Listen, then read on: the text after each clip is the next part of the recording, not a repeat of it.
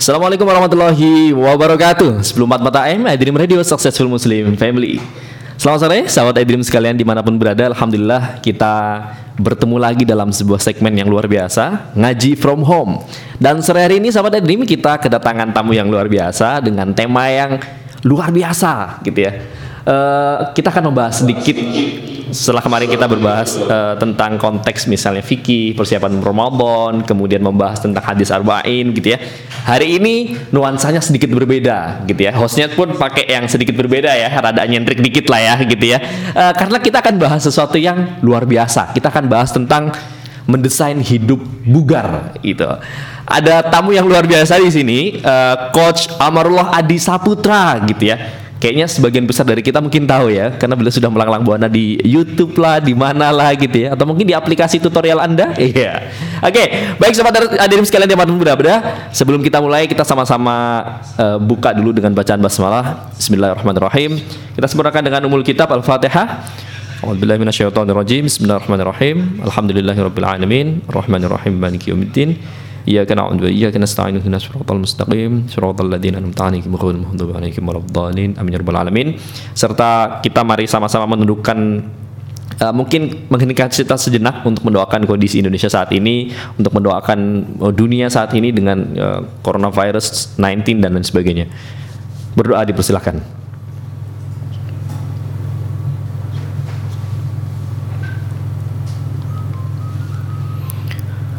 Amin ya rabbal alamin. Uh, kita sapa dulu nih, Coach Adi sudah bersama dengan kita. Assalamualaikum Coach. Waalaikumsalam warahmatullahi wabarakatuh. Gimana kabar Coach? Sehat Coach? Alhamdulillah. Luar biasa ya. bro, sehat bro? Alhamdulillah. Kita udah lama nggak ketemu ya Coach ya? Uh, berapa belas tahun ya kira-kira?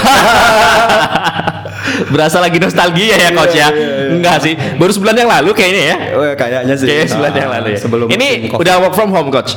Iya, ya, alhamdulillah. Udah berapa lama work from home? Uh, ya hampir sebulan ini ya. Hampir sebulan uh, ini ya. Kan jadwal kita udah banyak yang dibatal-batalin tuh. Iya, tapi di rumah masih tentu lah namanya juga coach ya. Oke. Okay. Baik sahabat dan sekalian, kita lanjut ya coach ya. Sebelum kita mulai kawan-kawan, sahabat dan sekalian di mana pun berada, uh, kita membuka pertanyaan untuk sahabat Dadim. Ada yang mau tanya atau konsultasi tentang kesehatan, gimana cara membuat hidup kita bugar dan lain sebagainya dan sebagainya, bisa menanyakan di nomor WhatsApp kita di 0822 988 1044. 0822 9888 1044 atau sahabat Edim juga bisa menanyakan di kolom komentar di live streaming di YouTube teman-teman semuanya. Baik, 144 AM Edream Radio Successful Muslim Family. Sahabat Edream di mana pun berada, kita kembali lagi di segmen bagaimana kemudian kita bisa mendesain hidup yang bugar bersama dengan Coach Adi. Sahabat Edream sekalian, uh, jangan lupa tuliskan di kolom komentar sahabat sekalian dari mana sahabat ya kalau misalnya dari uh, tadi ada yang dari Jayapura ya Jayapura sudah hadir dari Jambi sudah hadir kemudian beberapa dari dari kemarin gitu ya ada yang Taiwan datang kemudian ada yang dari Makau ada yang dari Jerman dan lain sebagainya. Tuliskan di kolom komentar di YouTube teman-teman semuanya dan sekali lagi kita membuka sesi pertanyaan atau sesi mungkin konsultasi gimana sih cara mendesain hidup sehat uh, bugar dan lain sebagainya begitu. Di 0822 988 1044 0822 9888 1044 Baik, sahabat dan sekalian, kayaknya rasa-rasanya kita sama-sama tidak sabar untuk mendapatkan sebuah materi tentang uh, kesehatan mendesain hidup yang bugar. Kita langsung ke Coach Adi. Oke okay ya, sahabat Dream ya. Oke. Okay. Silakan Coach Adi, kami persilakan untuk menyampaikan uh, inspirasi pada sore hari ini. Baik, terima kasih. Assalamualaikum warahmatullahi wabarakatuh. Waalaikumsalam warahmatullahi wabarakatuh. Um, alhamdulillah, alhamdulillahirabbil alamin.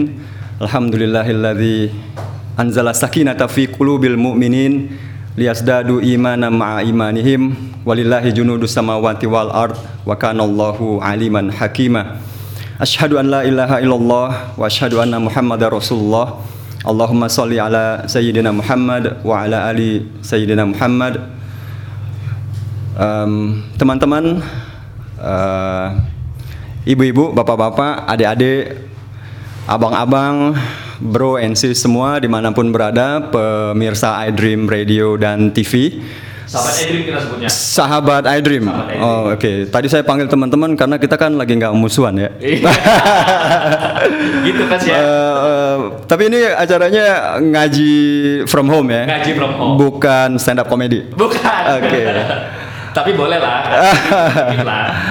Baik, em, sahabat iDream semua, pertama saya mengucapkan terima kasih kepada iDream Radio dan TV, iDream Radio and TV. Eh, semoga iDream Radio dan TV semakin sukses, semakin banyak membawa manfaat bagi bangsa Indonesia ini dan umumnya bagi umat manusia. Em, insya Allah dalam kurang lebih 90 menit ke depan, insya Allah kita akan sama-sama membahas mengenai eh, sebuah materi eh, yang kita yang saya beri judul mendesain hidup bugar. Jadi ada kata-kata eh, mendesain dan ada kata-kata hidup bugarnya. Hidup bugar itu memang pondasinya adalah hidup sehat. Eh, jadi nanti kita akan bicara tentang lima kualitas, lima kualitas hidup eh, fisik yang berkualitas. Saya suka menyebut lima kualitas itu menjadi empat sehat, lima kuat, atau empat sehat, lima eh, bugar. Apa saja eh, kelima kualitas tersebut nanti kita akan bahas bersama-sama. Em, lalu eh, mengapa pakai kata mendesain? Em, Allah Subhanahu wa taala berfirman di dalam surat Al-Hasyr ayat 18 Uh, A'udzu billahi. Bismillahirrahmanirrahim. Ya ayyuhalladzina amanu taqullah wal tanzur nafsum ma qaddamat lighad wattaqullah innallaha khabirum bima ta'malun. Yang artinya kurang lebih adalah wahai orang-orang yang beriman, bertakwalah kepada Allah Eh, dan hendaklah setiap orang memperhatikan apa yang telah diperbuatnya untuk hari esok dan bertakwalah kepada Allah sesungguhnya Allah Maha mengetahui apa yang kamu kerjakan. Jadi ada perintah di situ bahwa kita diminta untuk melihat apa yang sudah kita persiapkan untuk hari esok kita. Eh, kalau saya terjemahkan bebas, ini adalah bahwa kita disuruh untuk kita diperintahkan untuk mendesain masa depan kita. Kalau kita diperintahkan untuk mendesain berarti kita diberi kemampuan untuk melakukan proses desain tersebut. Jadi kita diberi eh, semua faculty, semua fasilitas yang diperlukan untuk mendesain itu. Mungkin eh, berbeda ya dengan eh, makhluk hidup yang lain yang tidak memiliki kemampuan untuk mendesain eh, masa depannya. Jadi ini salah satu kehebatan eh, yang diberikan yang dikaruniakan kepada manusia.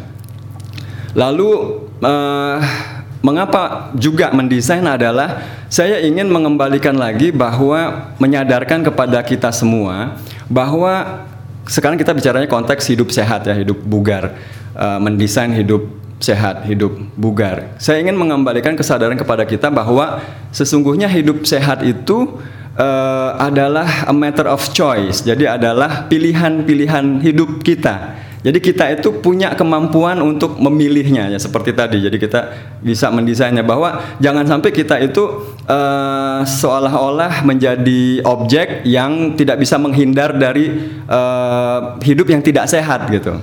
Ini mengapa ma, apa eh, kita memilih saya memilih kata-kata ada kata mendesain di situ. Lalu hidup sehat, hidup bugar. Siapa sih sebenarnya yang nggak nggak ingin hidup sehat, hidup bugar? Eh, dalam sebuah hadis Rasulullah SAW berkata, al mu'minun qawi ahabba ilallah minal mu'minud dhaif ya. Sesungguhnya seorang apa eh, mukmin yang eh, kuat itu lebih baik dan lebih dicintai oleh Allah daripada mukmin yang yang lemah dan eh, sehat kuat itu adalah salah satu kekuatan gitu. Itu adalah faktor-faktor kekuatan. Jadi eh, itu yang pertama. Lalu mengapa eh, hidup sehat yang kedua adalah semua kita pastinya ingin sehat gitu ya. Eh, sebagai seorang ayah, sebagai seorang suami, sebagai seorang istri, istri eh, kita semua pengen hidup sehat. Begitu pula dengan anak-anak kita, dengan keluarga kita, kita menginginkan agar mereka juga semua sehat. Orang tua kita juga kita menginginkan mereka juga selalu eh, sehat, teman-teman kita dan saudara-saudara kita, para guru-guru kita gitu ya, ustadz-ustadz kita. Siapa sih yang tidak menginginkan agar mereka semua agar selalu sehat dan walafiat? Tetapi Eh, bagaimana kenyataannya pada hari ini? Hari ini banyak sekali kita masih menemui berapa besar sih gitu ya saudara-saudara kita. Bahkan mungkin diri kita sendiri uh, bingung kok tiba-tiba saya uh, ada penyakit ini ada penyakit itu gitu yang tidak sama-sama tidak kita inginkan gitu. Kenyataannya uh, sakit orang sakit itu ada di sekitar kita bahkan diri kita sendiri. Uh, bahkan um, sekarang usianya malah yang sakit itu semakin semakin muda gitu ya. Jadi sakit itu tidak hanya identik dengan orang-orang tua saja gitu. Nah, ini mudah-mudahan uh, dalam kesempatan yang uh, luar biasa ini bersama iDream kita akan lihat uh, bersama-sama gitu ya bahwa uh, sesungguhnya untuk sehat, untuk bugar, untuk kuat itu enggak sesulit, serumit yang sering mungkin kita dengar seliuran gitu ya. Mungkin kita hanya dengar-dengar begitu saja gitu. Tapi kok kesannya sehat itu kok kayaknya susah banget gitu ya. Kok kayaknya kalau mau sehat itu uh, mahal gitu ya. Harus uh, beli ini, harus ikut program itu, uh, harus susah gitu. Harus belajar ini dan belajar itu. Apa iya sih uh, sehat itu untuk sehat itu seperti itu? Nanti mudah-mudahan kita akan um, membahas ini bersama sama-sama. Nah, teman-teman semua, sahabat uh, iDream, uh, pertama saya ingin mengajak kita semua untuk uh, memperhatikan beberapa ayat yang uh, ada di dalam Al-Qur'an gitu ya. Uh, yang pertama uh, di dalam surat Al-Mulk, Al-Mulk insyaallah. Uh, A'udzubillahi minasyaitonirrajim. Bismillahirrahmanirrahim. Tabarakalladzi biyadihil mulku wa huwa ala kulli syai'in qadir. Alladzi khalaqal mauta wal hayata liyabluwakum ayyukum ahsanu amala wa huwal azizul ghafur. Alladzi khalaqa sab'a samawati tibaqa ma tara fi khalqir rahmani min futur. Um, itu yang beberapa ayat yang pertama gitu ya. Lalu yang selanjutnya adalah saya ingin mengajak teman-teman sahabat iDream juga untuk melihat sebuah um, sepotong uh, sebuah ayat ini Al Isra ayat 70 yaitu A'udzubillahi minasyaitonirrajim Bismillahirrahmanirrahim Walaqad karramna bani adama wa hamalnahum fil barri wal bahri wa minat wa faddalnahum ala katsirin mimman khalaqna tafdila. Dari beberapa ayat yang tadi sudah saya uh, bacakan ya um, Allah di penggalan surat Al-Mulk tadi Allah me, me, mengatakan gitu bahwa alladzi khalaqas uh, khalaqas sab'a samawatin tibaqa ma tara fi khalqir rahmani min tafawut Far, farji'il basara uh, farji'il basara hal taro min futur gitu ya um, luar biasa sekali gitu ya ayat ini Allah me, me, me, mengatakan kepada kita bahwa Allah menciptakan langit gitu ya. Sab'a samawatin tibaqo gitu ya. Dan apakah kamu melihat di dalam penciptaan tersebut ada kelemahan-kelemahannya gitu. Nah, selanjutnya ketika kita melihat ayat uh, di dalam surat Al-Isra ini dan sesungguhnya kami telah memuliakan anak cucu Adam dan kami angkat angkut mereka di darat dan di laut dan kami beri mereka rezeki dari yang baik-baik serta kami lebihkan mereka di atas banyak makhluk yang kami ciptakan dengan kelebihan yang sempurna. Teman-teman sahabat iDream, saya ingin mengajak uh, kita semua melihat kembali gitu bahwa sesungguhnya penciptaan langit bumi dan penciptaan tubuh manusia itu adalah suatu penciptaan yang luar biasa gitu. Jadi Uh, kalau kita melihat ada uh, ada peralatan, ada mesin, mobil atau bahkan pesawat uh, luar angkasa yang canggih gitu ya, maka sesungguhnya penciptaan tubuh manusia itu juga luar biasa, luar biasa canggih gitu. Nah, apakah pertanyaannya adalah apakah se sebuah makhluk yang diciptakan canggih ini begitu ringkih begitu rapuh uh, sehingga kok kayaknya gampang banget kena penyakit ya? Cepet banget kena penyakit gitu atau bahkan penyakitan. Kayaknya nggak mungkin ya kayaknya nggak mungkin. Masa, masa sih ciptaan Allah ya yang luar biasa yang menciptakan langit bumi dan segala isinya itu kemudian menciptakan makhluk uh, yang bernama manusia yang uh, diberi kelebihan di atas banyak makhluk yang lain dengan kelebihan yang sempurna itu dikatakan di ayat Al-Isra 70 tadi itu ringkih banget gitu. Kayaknya nggak mungkin. Jadi there must be something wrong gitu ya. Pasti ada yang salah uh, dengan kemudian bisa jadi bagaimana uh, kita memperlakukan tubuh kita itu sendiri sehingga jadilah dia lemah dan dan banyak penyakit itu mudah terserang penyakit.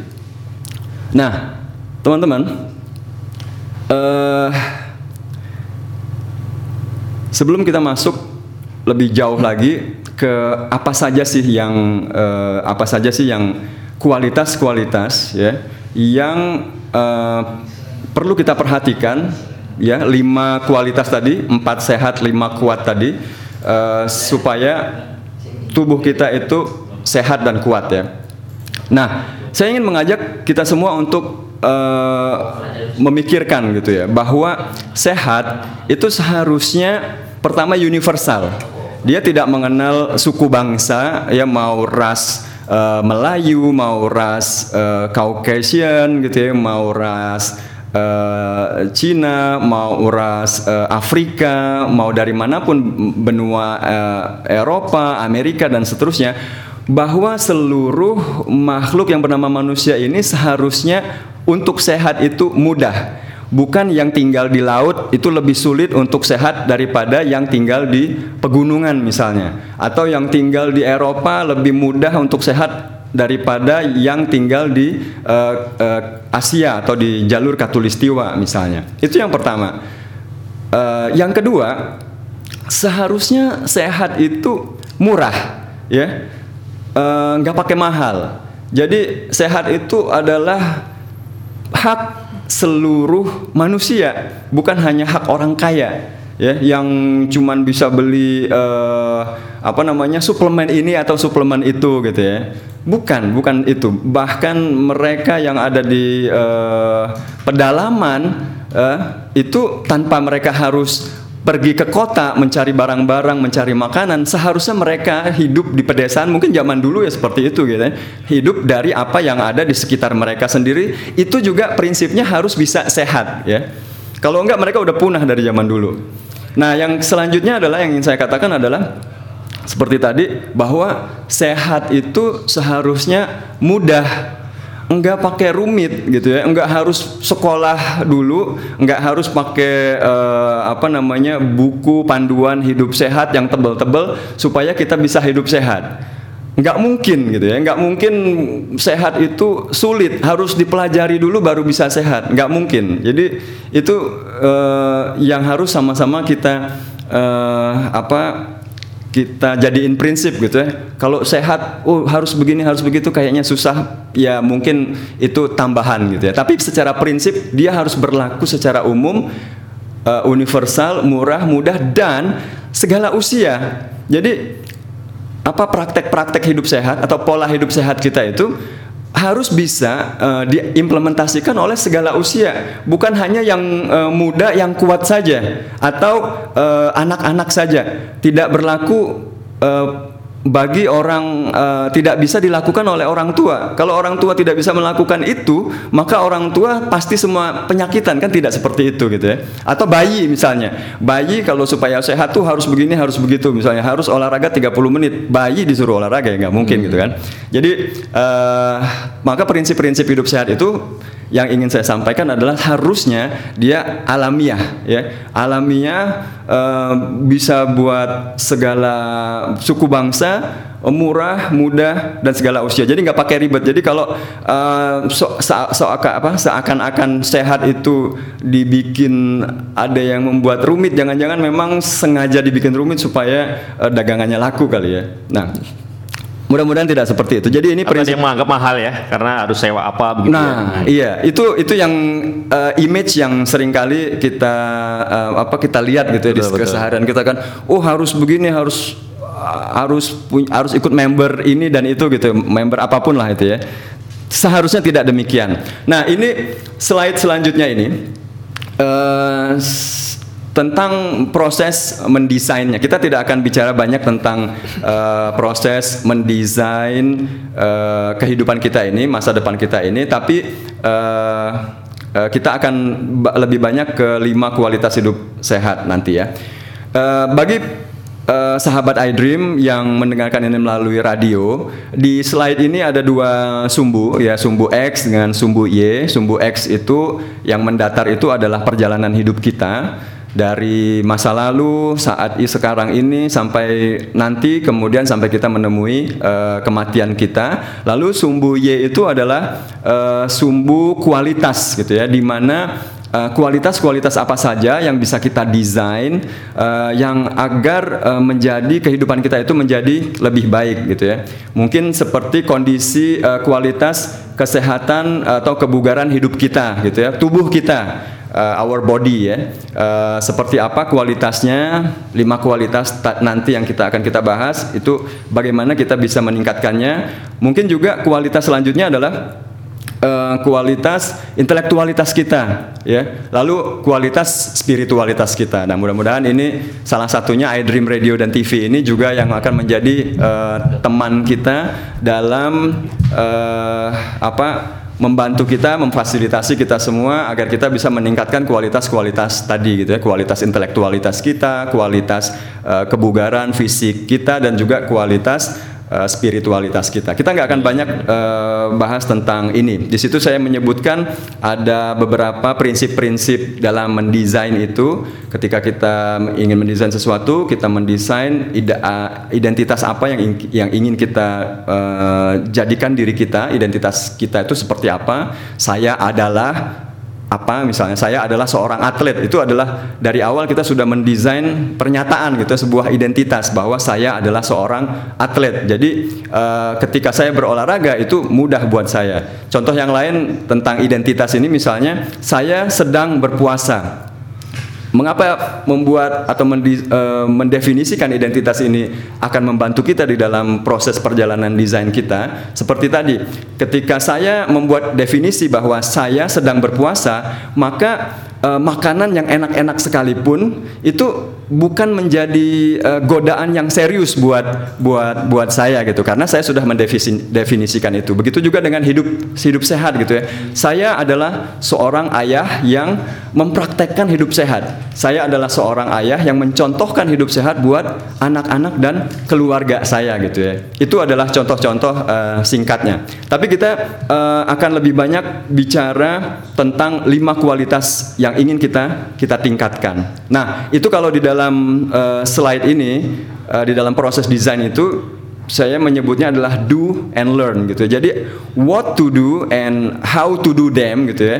Uh, kalau tadi kita sudah bicara why-nya mengapa, mengapa kita pengen hidup sehat dan bugar itu sudah cukup jelas gitu ya. Lalu apa sih what-nya? What-nya itu adalah lima kualitas itu, empat sehat, lima lima kuatnya. Nah, proses uh, desain kita itu adalah melakukan setiap kualitas itu walaupun terjadi peningkatan satu persen saja ya satu persen demi satu persen uh, itu akan memberikan agregat atau kumpulan peningkatan kualitas yang yang luar biasa. Saya meminjam istilah ini dari Dave Brailsford yaitu uh, ex uh, mantan performance director uh, tim balap sepeda Inggris yang mencetak prestasi luar biasa gitu ya dari tim balap sepeda yang sangat-sangat tidak dilihat uh, bahkan uh, tidak dipandang sama sekali di Eropa menjadi uh, selalu men menjadikan budaya juara itu menjadi budaya uh, tim balap sepeda Inggris gitu ya. Nah, kita akan lihat nanti kita akan bicara tentang lima lima kualitas ya.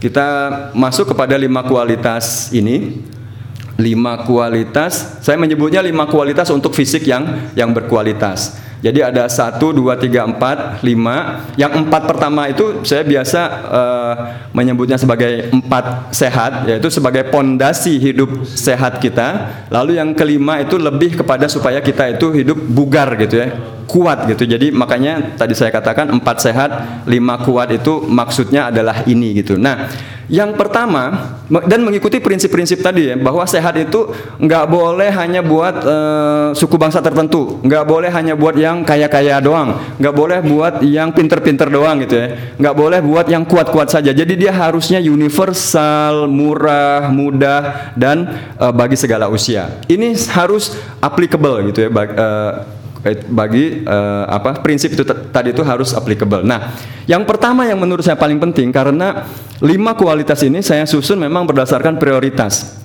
Yang pertama adalah kualitas ritme alamiah tubuh. Mengapa uh, disebut ritme alamiah tubuh? Uh, karena tadi kembali kepada penciptaan manusia. Manusia itu diciptakan sudah um, canggih gitu ya, lengkap dengan segala uh, mekanisme-mekanisme pertumbuhannya, perawatannya, self healingnya gitu ya, regenerasi selnya dan seterusnya dan seterusnya. Jadi secara alamiah tubuh kita itu default settingnya atau settingan aslinya, settingan pabriknya itu sehat gitu ya. Bukan settingannya itu sakit lalu kita mati-matian itu ya, susah payah untuk hidup sehat. Jangan jangan terbalik gitu ya. Jadi hmm. uh, makanya jadi secara alamiah tubuh kita itu seharusnya sehat. Kalau tidak sehat, kalau ada penyakit berarti ada yang tidak normal, ada yang salah. Nah, nanti kita sambung lagi uh, di kualitas pertama itu kualitas uh, ritme alamiah tubuh itu. Nanti yang kedua kita akan bicara soal kualitas emosional. Jadi manusia itu tidak terlepas dari uh, kon, apa perasaan gitu ya, psikologis. Jadi manusia itu adalah makhluk biologis, tapi juga kita punya psikologis gitu, perasaan yang saling mempengaruhi dan saling langsung berhubungan antara organ organ tubuh kita dengan apa yang kita rasakan. Lalu yang ketiga adalah kualitas tidur, ya.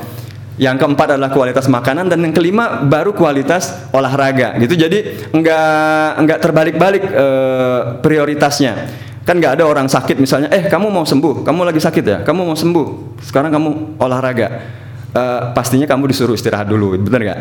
Bukan disuruh olahraga. Kalau olahraga itu adalah prioritas pertama supaya hidup sehat, maka harusnya orang sakit disuruh olahraga. Tapi enggak Makanya kita jangan sampai kebalik-balik uh, antara eh, prioritas-prioritas uh, tersebut gitu ya. Bisa jadi um, kualitas makanan kita bagus, ya kualitas nomor 4. Kualitas makanan kita bagus, tapi ritme harian kita berantakan atau nggak usah ritme harian deh, tidur aja berantakan. Misalnya kita nggak tidur, uh, makannya bergizi gitu ya, makannya bagus, berkualitas.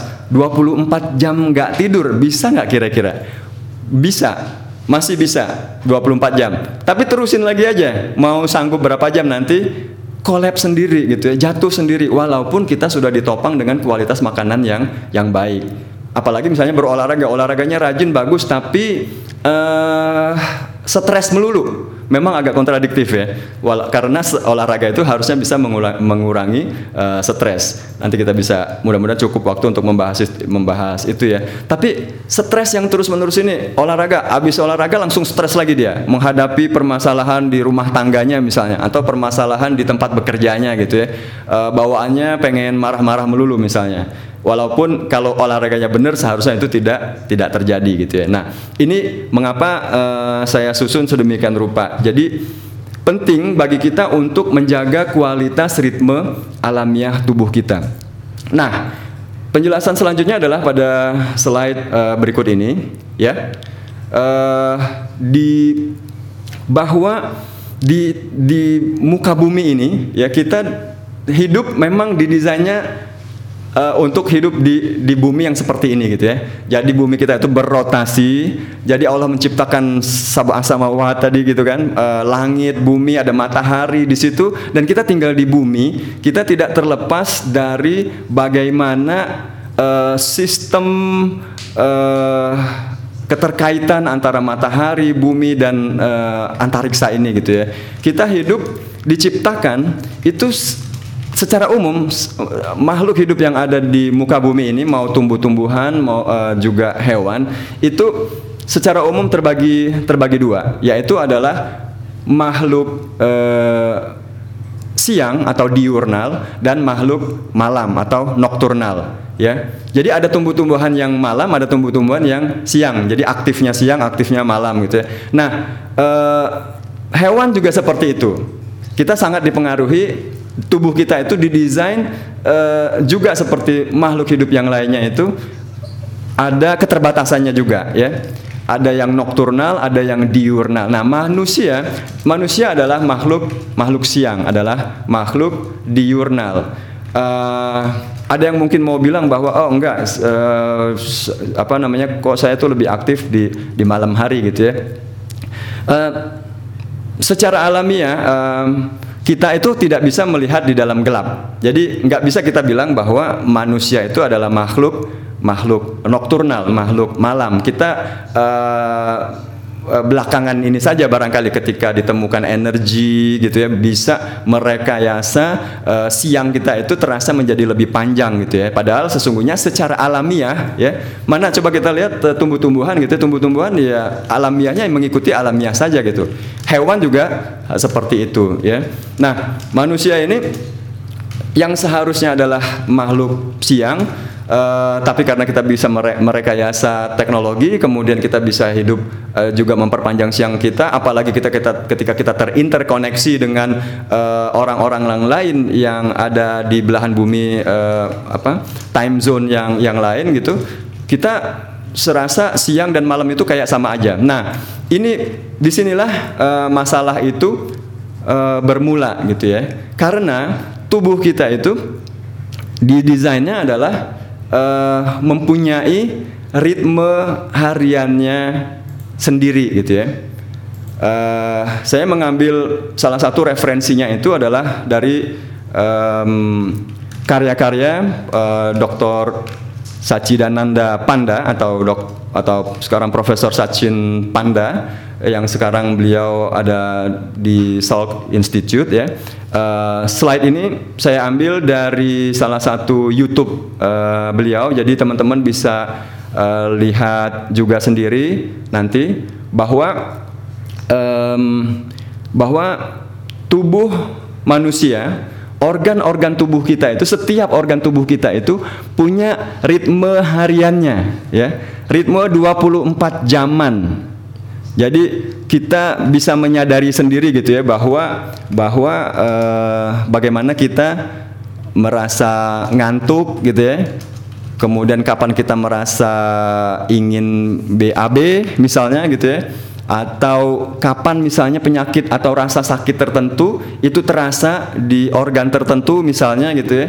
Itu karena salah satunya karena adalah organ tubuh kita itu mempunyai daily rhythm tadi ya. Ritme alamiah hariannya ya. Termasuk di dalamnya tadi misalnya adalah uh, tidur kemudian mood juga ya. Moodnya tuh kayak gimana gitu ya metabolisme kita juga pencernaan kita pembakaran uh, pembakaran uh, energi uh, tubuh kita itu juga ada ritme hariannya dan yang juga uh, ternyata punya ritme harian itu adalah mikro-mikroorganisme yang ada di dalam sistem pencernaan kita. Ya, mikroorganisme yang ada di dalam usus kita itu ternyata juga punya ritme alamiah hariannya, ya. Jadi uh, apabila kemudian masalah masalahnya adalah ketika kita tidak memperhatikan ritme harian ini, maka terganggulah ya uh, fungsi dari organ-organ tubuh kita itu yang bekerjanya itu harusnya sinkron ya sinkron nih harusnya antara pencernaan sama tidur gitu ya uh, tapi pencernaan uh, masih terus bekerja padahal seharusnya kita sudah tidur itu misalnya gitu ya. Jadi uh, inilah di antara salah satunya contoh yang bisa mengganggu mengapa terjadi terjadi gangguan gitu ya. Nah Uh, di sini juga saya ambil dari salah satu buku masih tulisan uh, Prof. Sachin Panda yang judulnya adalah di Circadian Code uh, yang dipublish tahun 2018 ya. Di situ menunjukkan bahwa saat-saat kapan ya, saat-saat kapan uh, ini sebagian kecilnya saja ya tentu saja ya. Saat-saat kapan itu organ-organ tertentu berfungsi sehingga menghasilkan misalnya hormon-hormon tertentu atau aktivitas-aktivitas tertentu gitu ya. Misalnya di situ disebutkan melatonin declines itu di awal pagi gitu ya. Dia melatonin mulai uh, melatonin itu adalah salah satu hormon yang membuat kita mempersiapkan diri kita untuk istirahat gitu ya. Uh, kemudian ada juga di situ kortisol gitu ya. Kortisol mulai mulai naik itu kapan kemudian ada lagi misalnya uh, otot gitu ya otot itu paling uh, efisien paling kuat paling efektif bekerja itu at what time of the day gitu kapan di, di jam berapa gitu dan seterusnya gitu dan kemudian di malam hari itu uh, salah satu yang ingin yang yang yang uh, mungkin yang sangat penting ya yang untuk kita sama-sama perhatikan adalah bahwa di situ ada namanya gut lining and skin repair gitu ya. Nah, ini yang tadi saya sebutkan bahwa salah satu kecanggihan dari tubuh manusia itu adalah kita bisa meregenerasi sel yang rusak atau yang mati gitu ya atau bahkan sel yang seharusnya tidak uh, aktif itu dinonaktifkan atau dimatikan gitu ya. Nah, itu adalah sebuah kemampuan yang yang luar biasa. Nah, bayangkan kalau kemampuan untuk seperti yang di slide ini ya, gut lining gitu ya, dinding usus ya. Perbaikan dinding usus itu kalau dia tidak terjadi secara maksimal uh, atau perbaikan sel-sel pada organ-organ organ-organ tubuh kita gitu. Misalnya sel yang ada di pankreas ya, sel yang harus uh, organ yang harusnya memproduksi salah satunya misalnya insulin. Bagaimana ketika insulin uh, pankreas itu seharusnya dia melakukan perawatan. Jadi dia pankreas itu juga harus ada maintenance-nya gitu. Bukan hanya memproduksi, memproduksi dan memproduksi hormon saja gitu ya. Dia juga perlu maintenance, dia juga harus istirahat. Nah, bagaimana kalau kita tidak memberi kesempatan yang cukup kepada tubuh kita untuk melakukan reparasi, merawat, memaintain uh, segala organ-organ tubuh kita itu, termasuk otak gitu ya. Uh, ketika kita di dalam kondisi tidur, termasuk otak. Apa sih?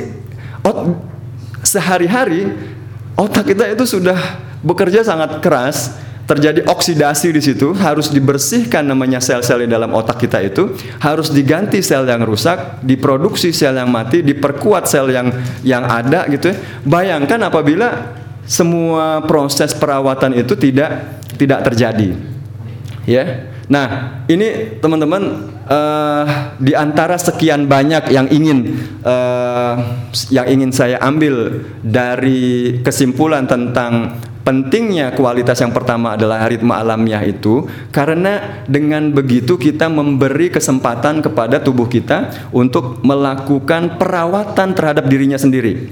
Saking canggihnya tubuh kita itu sebenarnya kita nggak ngerti apa yang terjadi di dalam tubuh kita. Benar nggak? Kita nggak ngerti tuh bagaimana terjadi uh, kita menyimpan memori gitu ya. Bagaimana jantung kita memompa darah gitu ya yang tidak pernah berhenti. Kita kita tidak menyadari, kita tidak memerintahkan itu, tapi dia jalan sendiri. Bagaimana kemudian uh, yang paling sederhana uh, kulit kita misalnya ketika luka, ketika luka, uh, kemudian kita pengen supaya luka kita itu sembuh gitu ya kulit kita itu mereparasi dirinya sendiri gitu ya dulu yang misalnya jerawatan gitu kita nggak nggak nggak nyadar gitu nggak ngerti gimana caranya udah nggak ada lagi tuh yang namanya bekas-bekas jerawatan gitu. Itu salah satu bukti bahwa tubuh kita itu bisa dan mampu melakukan reparasinya. Bayangkan kalau itu terjadi di pembuluh-pembuluh darah kita ya. Pembuluh darah kita itu juga harus berganti darah kita juga harus berganti gitu ya. Sel-sel darah pembuluh-pembuluh darahnya dinding-dinding uh, pembuluh darahnya gitu dinding usus dan segala macamnya. Nah di masih di, di, di salah satu buku ini di Circadian Code oleh Dr. Sachin Panda ini ada sekian banyak uh, macam-macam penyakit gitu ya. Saya me retitle, saya membuat judul baru dari apa yang sudah disampaikan di uh, apa yang digambarkan di situ oleh Dr. Sachin Panda dengan apa yang dapat terjadi ketika ritme sirkadian itu terganggu, ya. Apa yang dapat terjadi? Uh, judul asli dari uh, kotak ini adalah What happens when uh, circadian rhythm uh, is broken. Kalau nggak salah seperti itu. Atau disrupted gitu ya. Apa yang terjadi ketika ritme circadian itu terganggu? Di sini uh, banyak sekali gitu ya yang yang sangat uh, familiar uh, di telinga kita, penyakit-penyakit yang sangat familiar di, di telinga kita ya. Di situ disebutkan misalnya ada uh, tipe 2 diabetes uh, tipe 2, type 2 diabetes gitu ya. Pre-diabetes, stroke gitu ya. Hypertension gitu ya. Um, banyak se semua mu, breast cancer macam-macam kanker disebutkan di situ, kemudian macam-macam penyakit yang berkaitan dengan otak juga disebutkan di situ, ada Huntington disease, Alzheimer, Parkinson gitu ya. Kemudian ada uh, ada macam dan dan sekarang yang um, sekarang kita memang lagi uh, ya prihatin gitu ya. Uh, karena virus gitu ya. Uh, virus corona. Nah, yang mungkin sekarang lagi banyak dibahas itu adalah imun, imun sistem kita. Sesungguhnya tubuh kita itu lagi-lagi sudah dilengkapi dengan sistem pertahanan tubuh yang sangat luar biasa, ya.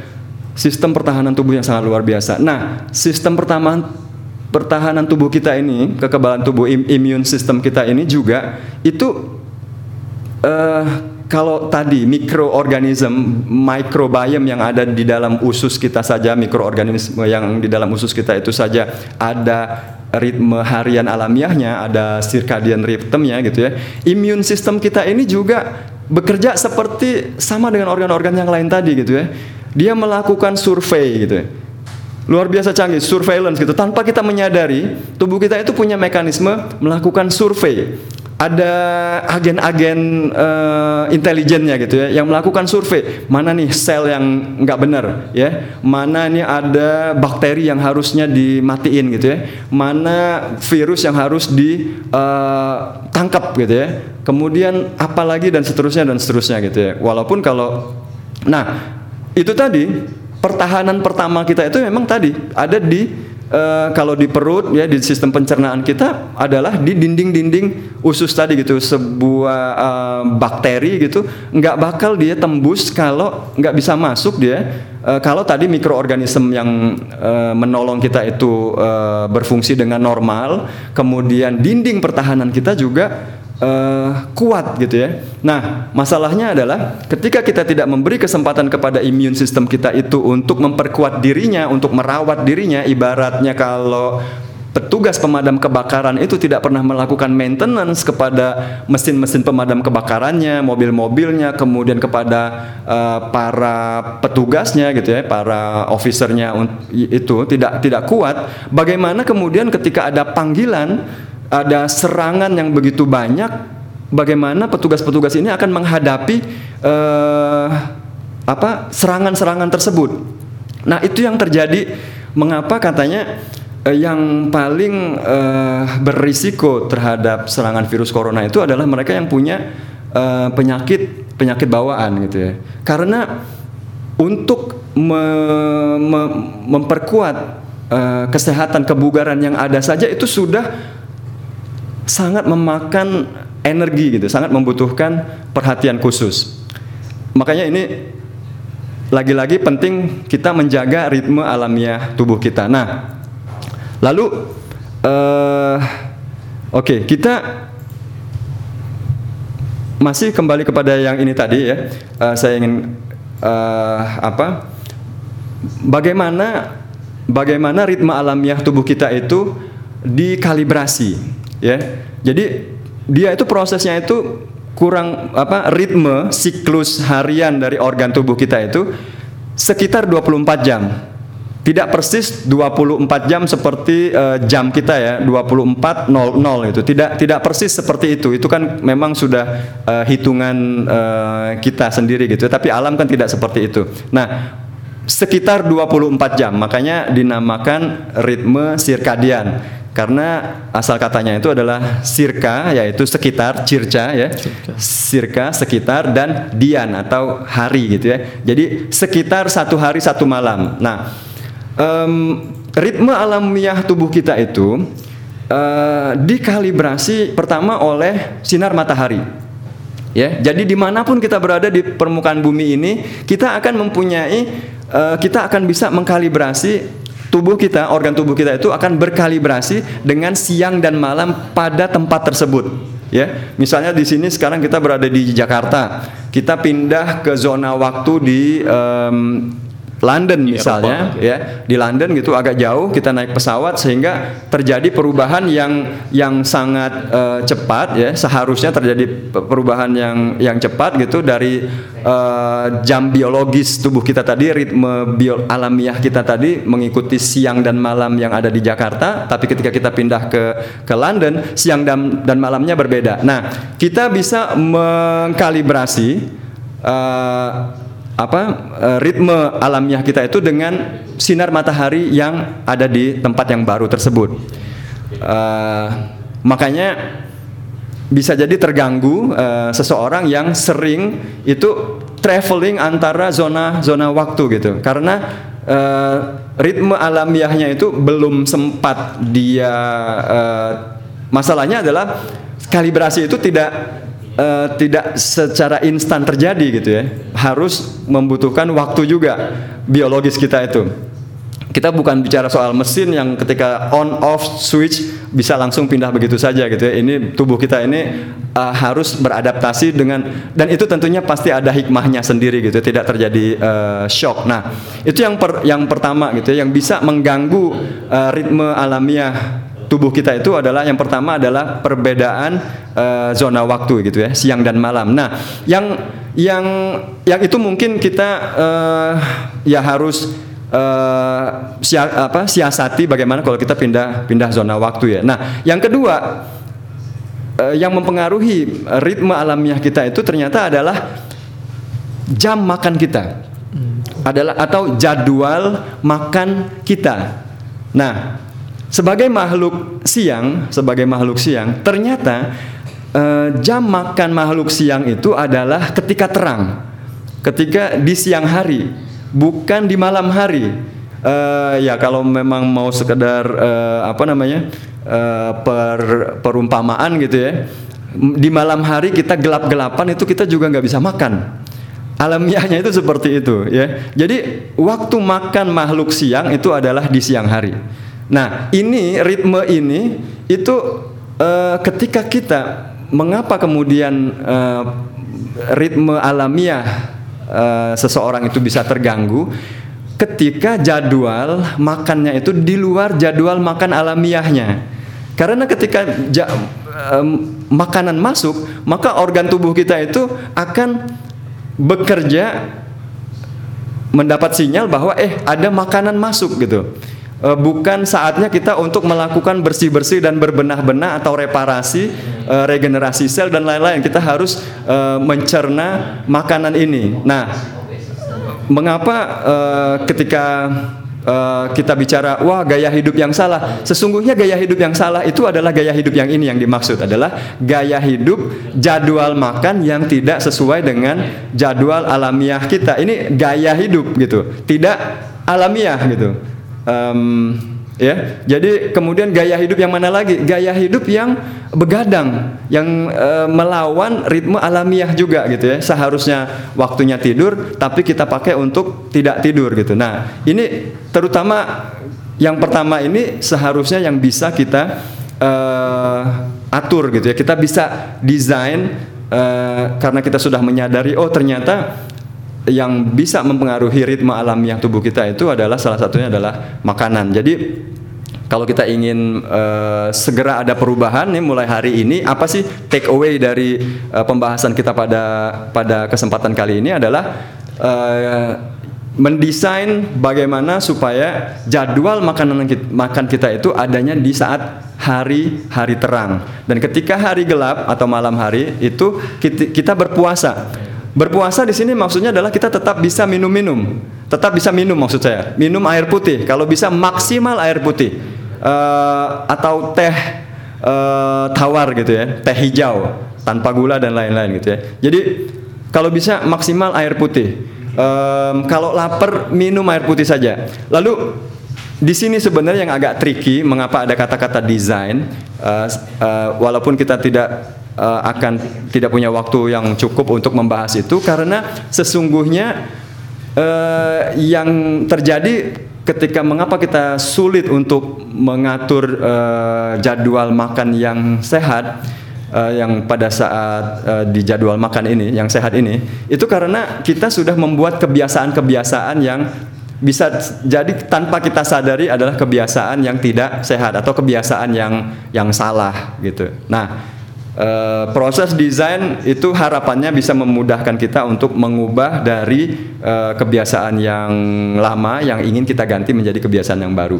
Oke, jadi yang pertama tadi adalah mengembalikan jadwal kalau kita ingin langsung action ya apa yang bisa kita lakukan stop makan maksimal itu kalau bisa isya maksimal sebelum isya itu kalau bisa makan tuh udah selesai semua kalau bisa malahan lebih awal lagi sebelum maghrib ya kalau bisa misalnya sampai jam 5 aja maksimal kita udah selesai yang namanya makan-makan nah eh, di dalam berbagai literatur itu disebutkan uh, juga salah satunya disebutkan oleh Prof. Sachin Panda adalah bahwa jadwal makan yang optimal itu adalah 8 sampai 10 jam dalam satu hari. Ya. Jadi kalau kita misalnya makan pagi mulai jam 7 pagi dan terakhir makan itu jam 5 sore, berarti jadwal makan kita itu 10 jam. Nah, sisanya dari jam 5 sore sampai ketemu lagi jam eh, uh, 7 pagi esok harinya, itu kita dalam kondisi berpuasa. Mengapa kita berpuasa? Itu kita memberi kesempatan ke tubuh, kepada tubuh kita untuk tadi melakukan perawatan-perawatan dan memperkuat tubuh kita. Jadi kita apa gunanya kita makan gitu ya? Apa kita apa gunanya kita memberi nutrisi kepada tubuh kita kalau nutrisi itu tidak digunakan untuk membangun kekuatan uh, tubuh kita, membangun tulang-tulang kita misalnya, membangun sistem imunitas tubuh kita misalnya, mereparasi, merestorasi uh, otak kita Misalnya, jadi apa gunanya kita makan itu kalau kita tidak memberi dia kesempatan? Ini kita misalnya kayak kasih uh, tukang bangunan nih, nih saya kasih bangunan, saya kasih bangun apa bahan bangunan, saya kasih batu. Tapi kita tidak pernah memberi dia kesempatan untuk membuat mendirikan bangunan itu. Padahal membuat rumah itu sendiri, membuat bangunan itu sendiri butuh waktu.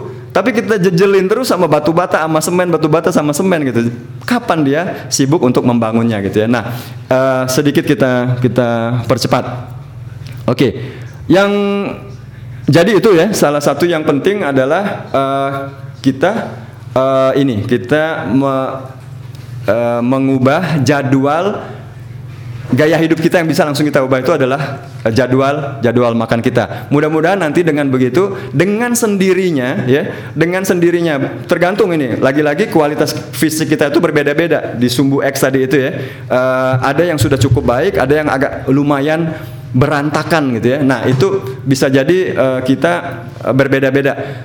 Ada yang dengan memperbaiki ritme alamiah tubuh kita saja itu bisa langsung memperbaiki kondisi kesehatannya. Nah, teman-teman semua, yang selanjutnya itu adalah kualitas emosional ya, kualitas emosional uh, ya seperti yang saya katakan tadi ya secara uh, apa uh, hubungan antara organ kita dengan emosi kita itu sangat berkaitan. Dan ketika kita sedang stres, ketika kita sedang emosi, masalahnya adalah tubuh kita itu memproduksi hormon yang dia itu membuat organ-organ tubuh kita itu yang tidak penting untuk beroperasi, yang tidak harus beroperasi untuk tidak perlu beroperasi. Jadi kita fokus pada menghadapi challenge itu atau menghadapi stres itu ya. Fokus pada stres yang ada. Misalnya orang kalau sedang uh, lagi uh, misalnya ketemu pe- penjahat misalnya gitu ya, langsung stres kan di- diancam misalnya pakai senjata misalnya, langsung di langsung di eh, apa? Stres gitu. Kemudian kita ajak ngobrol, kita ajak berhitung misalnya menyelesaikan soal matematika itu otaknya nggak bisa mikir. Itu, itu contoh lucu-lucuan ya. Eh, tapi seperti itu. Di, di- eh, lagi stres nih dikejar anjing gitu ya. Itu yang bekerja hanya otot tertentu saja i- dan jantung gitu ya, dipacu gitu ya. Nah, yang juga menunjukkan secara langsung bagaimana eh, emosi dengan eh, apa emosi dengan organ tubuh itu ketika kita mata kita ini saja misalnya ya ketika kita melihat sesuatu yang menyedihkan tanpa suara hitam dan putih saja misalnya menyedihkan. Bahkan foto atau gambar yang tidak bergerak tapi menyedihkan mata kita itu bisa mengeluarkan air mata gitu ya. Itu adalah hubungan langsung antara emosi dengan organ tubuh kita. Jantung kita gitu ya, ber, ber- berdegup ken- apa berdenyut dengan ken- lebih kencang ketika kita lagi eh, apa namanya lagi marah misalnya. Seperti itu ya. Nah itu ada hubungan langsung dan masalahnya adalah eh, stres stres ini eh, kalau terjadi secara terus menerus membuat tadi itu organ-organ tubuh kita itu menjadi tidak berfungsi secara normal secara ritme alamiahnya juga gitu. Misalnya kita malam-malam stres gitu ya malam-malam stres ribut sama eh, sama pasangan sama istri sama suami gitu. Stres. Em, kortisolnya langsung produksi gitu padahal seharusnya dia tidak diproduksi gitu. Mengganggu tidur jadi nggak bisa tidur. Tidur kita menjadi tidak berkualitas. Kita lanjut aja ya karena kita waktu kita terbatas. Lalu yang ketiga adalah kualitas tidur seperti tadi ya. Nah sama seperti stres dan makan gitu ya. Ketika kita seharusnya sudah tidur misalnya jam 10 malam, tapi ketika kita eh, jam 10 malam itu misalnya kita masih eh, iseng. Ya, ini dia nih. Ini sebenarnya kebanyakan kita itu eh, kebanyakan kita itu makan di luar jadwal makan itu sebenarnya karena kuali- ada kaitannya juga dengan kualitas emosional gitu. Karena stres gitu ya, mencari pelampiasan dan lain-lain. Bukan karena kebutuhan nutrisi gitu. Makanya udah udah cukup, lebih-lebih malah. Makanya pada eh, obesitas semua gitu ya. Nah, itu mempengaruhi kualitas tidur kita yang seharusnya tidur kita berkualitas agar salah satunya yang paling penting itu adalah agar otak kita itu bisa di reset gitu ya. Tadi dia meregenerasi, merestorasi, me- mem- mem- memperkuat ya ikatan antara neuron yang satu dengan neuron yang lain yang baru misalnya eh, kita menghafal Al-Qur'an gitu ya, anak-anak kita menghafal Al-Qur'an itu semua kita ot- apa sel-sel eh, otak kita itu harus merestorasi itu, mengatur itu, memformat itu menjadi semakin semakin kuat gitu ya. Nah, di pada saat kita tidur itu juga pertahanan tubuh kita itu lagi bekerja dengan dengan dengan keras gitu ya. Lalu eh, yang penting juga pada saat tidur tadi adalah agar recovery dan regenerasi sel tadi organ-organ tubuh kita itu di seluruh tubuh kita ini agar regenerasi selnya itu menjadi optimal ya. Penyembuhan, penyembuhan yang kulit, luka itu menjadi optimal. Itu yang di luar yang kita bisa lihat. Tetapi sesungguhnya inflamasi-inflamasi yang ada di dalam tubuh kita itu sel-sel yang harusnya berganti mati dan itu harusnya itu juga juga terjadi gitu. Eh, luka-luka yang ada di dalam itu ya ibaratnya kalau sariawan gitu ya atau radang tenggorokan itu juga harus direparasi oleh tubuh kita diganti dengan sel yang baik. Nah itu sangat dibutuhkan sekali makanya tidur itu menjadi sangat penting. Karena itu self maintenance perawatan eh, perawatan mandiri oleh tubuh kita. Jadi eh, sehat itu nggak harus mikir apa yang harus dari luar kita masukin gitu ya. Apa obatnya apa minumnya apa ramuannya dan lain-lain sebagainya. Karena eh, tubuh kita itu seharusnya punya kemampuan itu kalau kita memberinya. Oke. Em, baik. Nah ada dua kualitas lagi dua kualitas yang keempat adalah kualitas makanan. Eh, ini relatif sebenarnya eh, sangat obvious gitu ya. Eh, kualitas makanan semakin berkualitas akan menjadi me- berkontribusi lebih baik untuk kesehatan kita. Makanan yang baik itu semakin alamiah makanan kita semakin baik semakin eh, banyak mengandung pengawet perasa pewarna eh, proses yang panjang dari aslinya gitu ya Eh, misalnya tepung gandum sudah menjadi sudah ter- diolah menjadi segala macam itu menjadi semakin tidak tidak baik atau tidak tidak sehat. Nah, makanan yang alami ini tentunya memberi respon eh, yang positif secara hormonal di tubuh kita. Karena tubuh kita itu merecognize dia sebagai sesuatu yang memang yang yang yang alami gitu ya. Kita kita itu tidak akan kebanjiran gula kalau kita uh, makan semangka misalnya walaupun misalnya glycemic index semangka itu tinggi gitu karena uh, se sebelum kita kebanjiran gula, darah kita kebanjiran gula, maka kita udah kekenyangan duluan. Seperti itu makanan-makanan yang yang alamiah itu. Nah, makanan yang tidak alamiah rasanya itu memang uh, dibuat sedemikian uh, apa supaya kita itu bis, mau makan itu terus atau minum itu terus.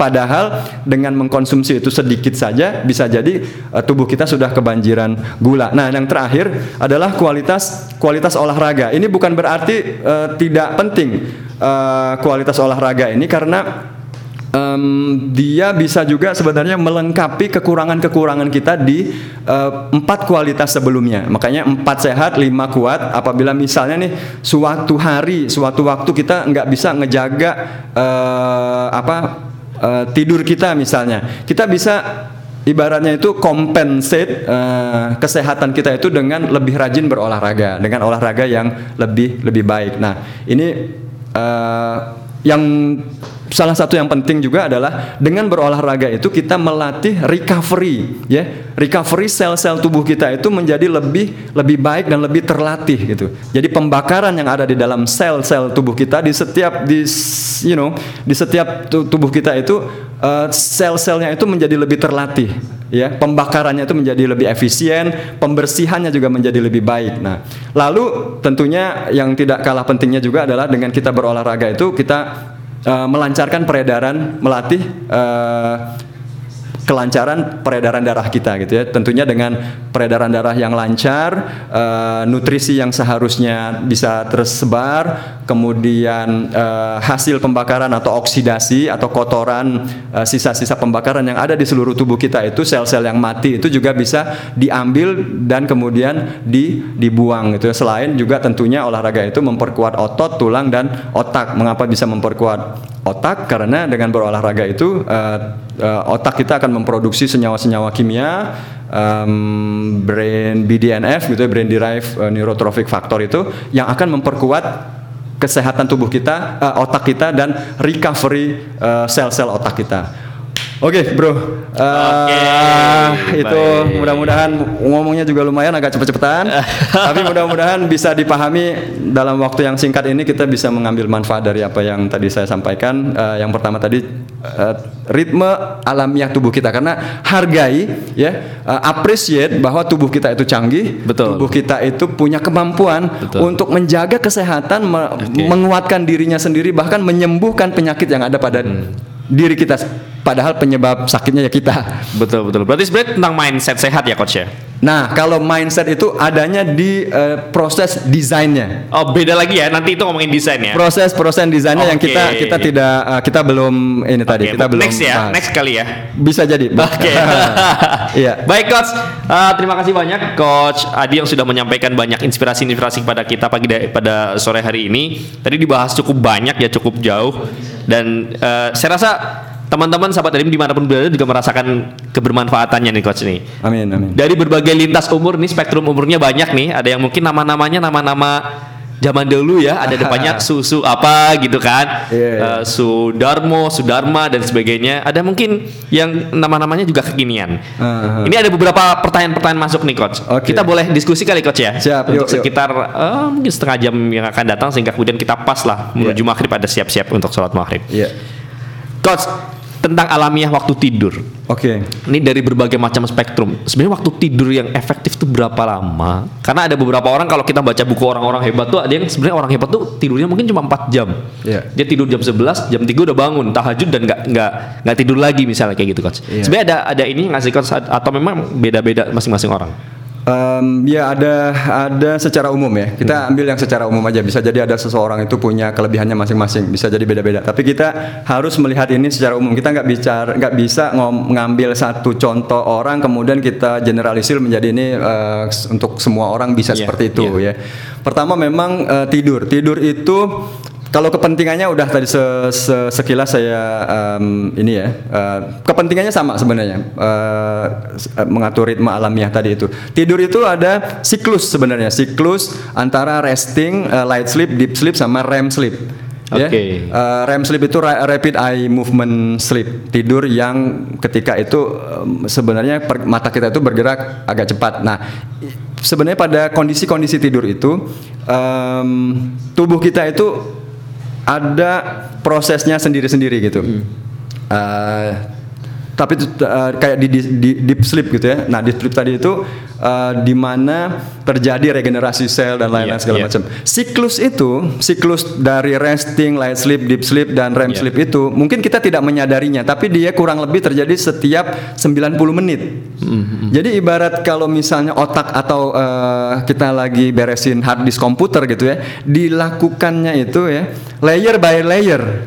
Oke. Jadi kita ngeberesin file, ngerapiin memori dan lain-lainnya itu layer by layer. Jadi Allah alam gitu ya luar biasa sekali proses ini gitu. Tidak terjadi misalnya sedemikian uh, langsung jadi. Ibaratnya kalau uh, benerin sel itu uh, se- sebuah jaringan gitu ya.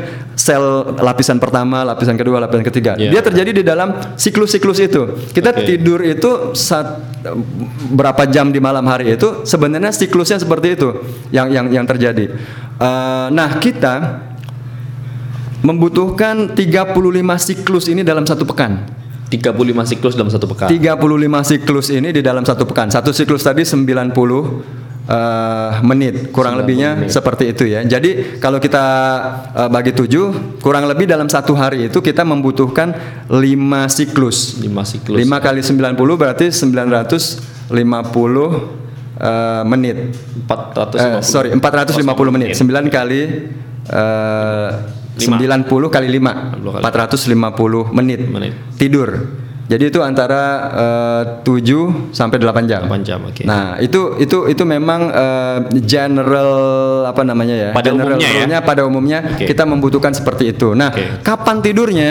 Itu memang kalau bisa midnight itu yang namanya tengah malam itu adalah tengah tidurnya. Jadi kalau kita misalnya tidur jam 9 eh bangun jam 3 itu tengahnya kan Jam jam 12. 12, gitu. Jadi kalau bisa sih seperti itu. Jadi eh, apa namanya? Ya, lagi-lagi memang kan kita bagaimana kita semaksimal mungkin meningkatkan kualitas-kualitas ini gitu ya. Jadi kualitas tidur ini ketika kita tingkatkan ternyata bisa meningkatkan kualitas yang lain juga. Jangan dikira kualitas eh, apa produktivitas kita atau kreativitas kita itu eh, eh, tidak ada apa namanya tidak ada pengaruhnya dari kualitas tidur kita. Oke. Jadi seolah-olah kalau kita tidurnya 6 jam eh, dengan dibanding orang yang tidurnya tiga jam itu tiga jam ini wah dia produktif banget gitu.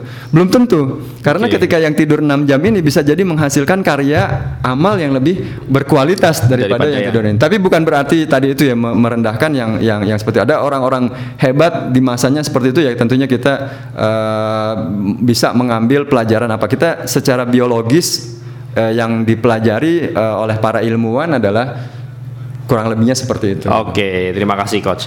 Tadi sepertinya kita cukup banyak mendapatkan ya. Ini pertanyaan berikutnya coach. Apakah ritme hidup semua orang itu sama? Semua usia. Gitu ya. Oke. Ini pertanyaannya case misalnya dengan umur 50 tahun. Ya. Ini umur 50 tahunan tuh seperti apa sih ritme Iya. hidup yang baik tuh misalnya kayak gitu. Eh ya, em, setahu saya sih sebenarnya memang kalau bayi dia belum punya dia belum eh, apa kalibrasinya itu memang Betul. belum belum langsung ada gitu Oke. ya. Jadi tapi kemudian dia eh, karena organ-organ tubuhnya juga baru tumbuh gitu ya. Jadi memang organ tubuhnya itu belum berfungsi secara eh, optimal gitu ya. Belum seperti orang yang sudah eh, tumbuh gitu. Makanya bayi itu punya ritme pastinya berbeda dengan orang Betul, yang betul. sudah sudah dewasa. Nah, tetapi orang dewasa sa- seharusnya sih ritmenya itu ya sama gitu. Karena kita itu menjalani 24 jam yang sama eh, siang dan malam yang sama gitu. Nah, Oke. masalahnya itu memang ketika eh, ketika masih muda dia tidak cukup perhatian terhadap ritme tidur misalnya sehingga bisa dibilang em, terjadi kelemahan pada otaknya Oke. eh, sehingga dia lupa bahwa eh, saya sebenarnya masih kurang tidur Jadi otaknya sendiri itu me- apa namanya tidak tidak tidak tidak cukup sempurna mengatur ritme organ tubuhnya Organ sendiri. tubuhnya gitu. sendiri ya. Iya. Oke. Em, makanya memang ini eh, perlu menjadi perhatian teman-teman semua, apalagi yang kerjanya shift ya. Betul, ada yang shift malam, ada yang shift siang, ganti-ganti gitu. Nah. Eh, memang sebagian eh, sebagian kondisi-kondisi seperti ini kita nggak bisa menghindari gitu ya. Artinya oke lah itu kita memang pekerjaan kita seperti itu. Tapi minimal itu soal tidurnya jangan sampai eh, tidur tidur kita it- kualitas tidur kita itu tidak cukup baik. Tapi ritme alamiahnya tadi ketika kita lagi shift malam misalnya kita isi juga dengan makan-makan. Oke. Jadi organ tubuh kita yang seharusnya tadi mencerna, memperbaiki dan lain-lain itu kita bebani juga, kita ganggu juga gitu. Biarin aja misalnya tidurnya aja yang terganggu, tapi Ya. soal ritme, dan metabolisme dan lain-lainnya itu jangan kita ikut-ikutan kita ganggu. Oke, oke, oke. Harusnya menarik, sama menarik. antara yang tua sama yang muda. Oke, oke. Kalau memang kita bisa me- mengolah itu ya, Coach Andri ya. Ya, Berkaitan makanya ini kita bicaranya mendesain, jangan menyerah bahwa oh ada kondisi seperti ini. Oke. Karena kita punya mentalitas seorang desainer, oh iya, saya harus mendesain supaya kualitas ini tetap terjaga walaupun kondisinya begini gitu. Oke, oke. Ini ini masih berhubungan nih coach mas- masalah dengan umur ya. Tadi kan 50-an nih. Hmm. Apakah untuk lanjut usia dan umur berapa sih lansia itu disebut lansia begitu ya atau orang tua disebut lansia? Hmm. Dan masih perlukah seorang lansia itu mendesain hidup sehat dan bugarnya?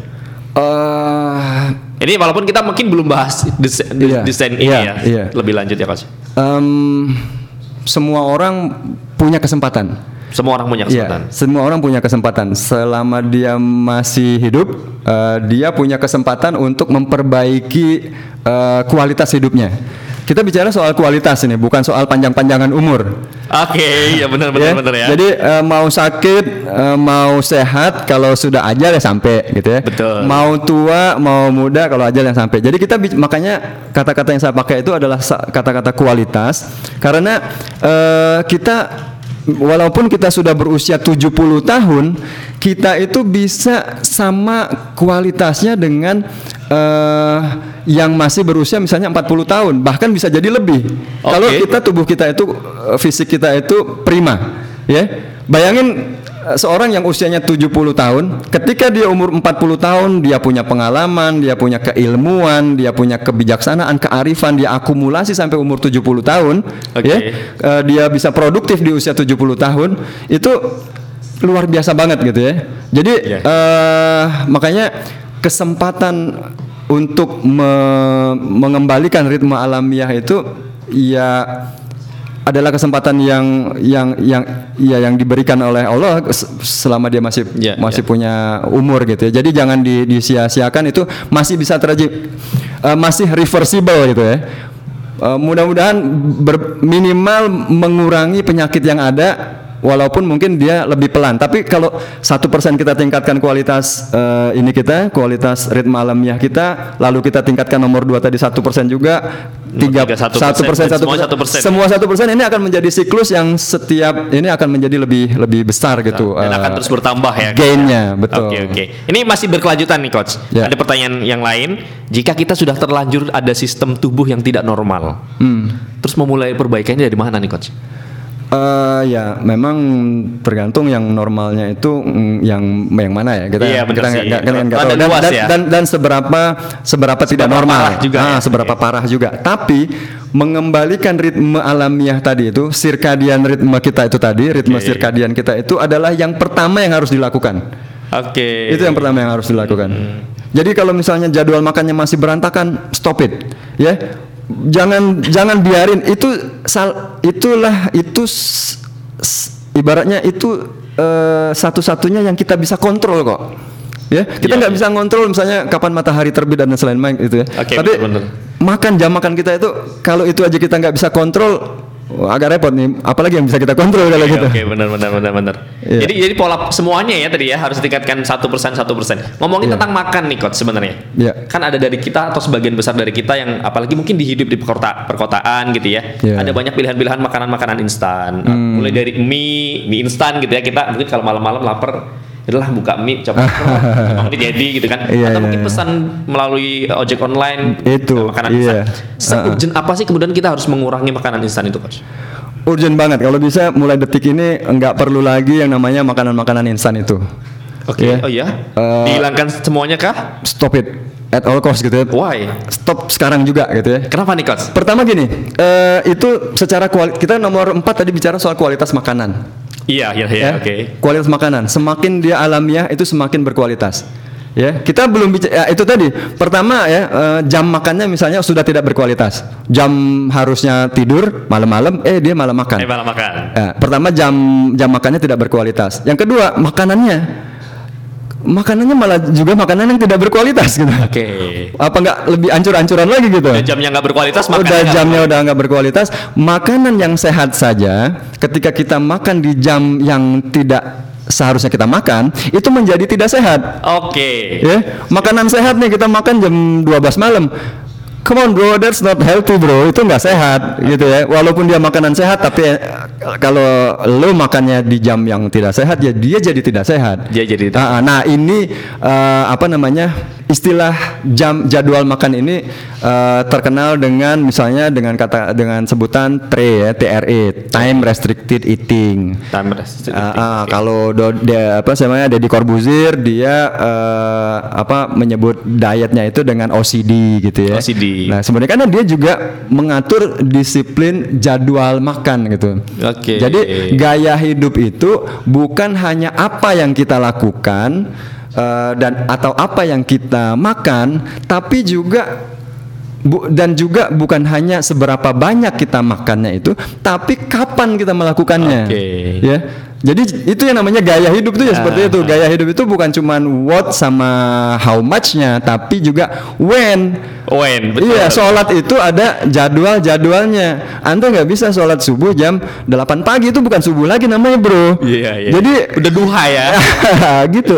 Ya, jadi jadi bukan hanya soal uh, apa nah kembali lagi kualitas makanan Come on lah ya. Ini makanya tadi saya bilang seharusnya sehat itu mudah, murah. Mudah kan berpuasa di malam hari itu apa sih susahnya gitu loh.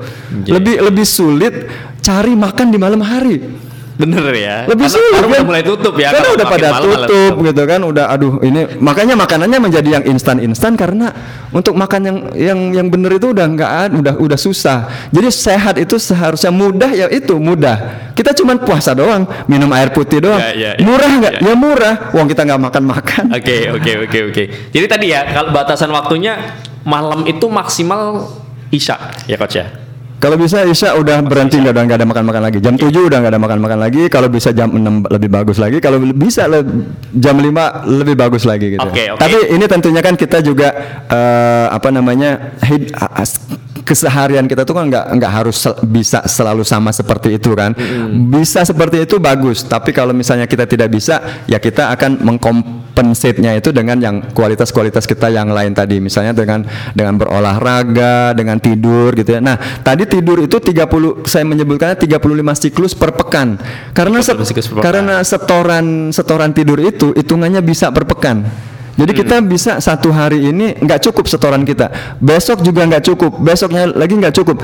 Tapi hati-hati, jangan jangan kebanyakan nggak cukup dalam satu dua hari tiga hari ini. Bisa-bisa kita sebelum sampai kita bisa hari untuk nutup Yang nutup poin, itu, ya, nutup nutup siklus, poinnya, tutup oke. poinnya itu di dalam satu pekan. Buru-buru kita udah dipanggil sama debt collector eh, apa tidur kolektor, ah, sleep kolektor, kekurangan. Terlalu, udah uh, exhausted ah, ya. udah terlalu exhausted kita, udah keburu dibawa ke rumah sakit. Jangan sampai seperti Jangan itu. sampai seperti itu ya. Oke Iya. oke oke.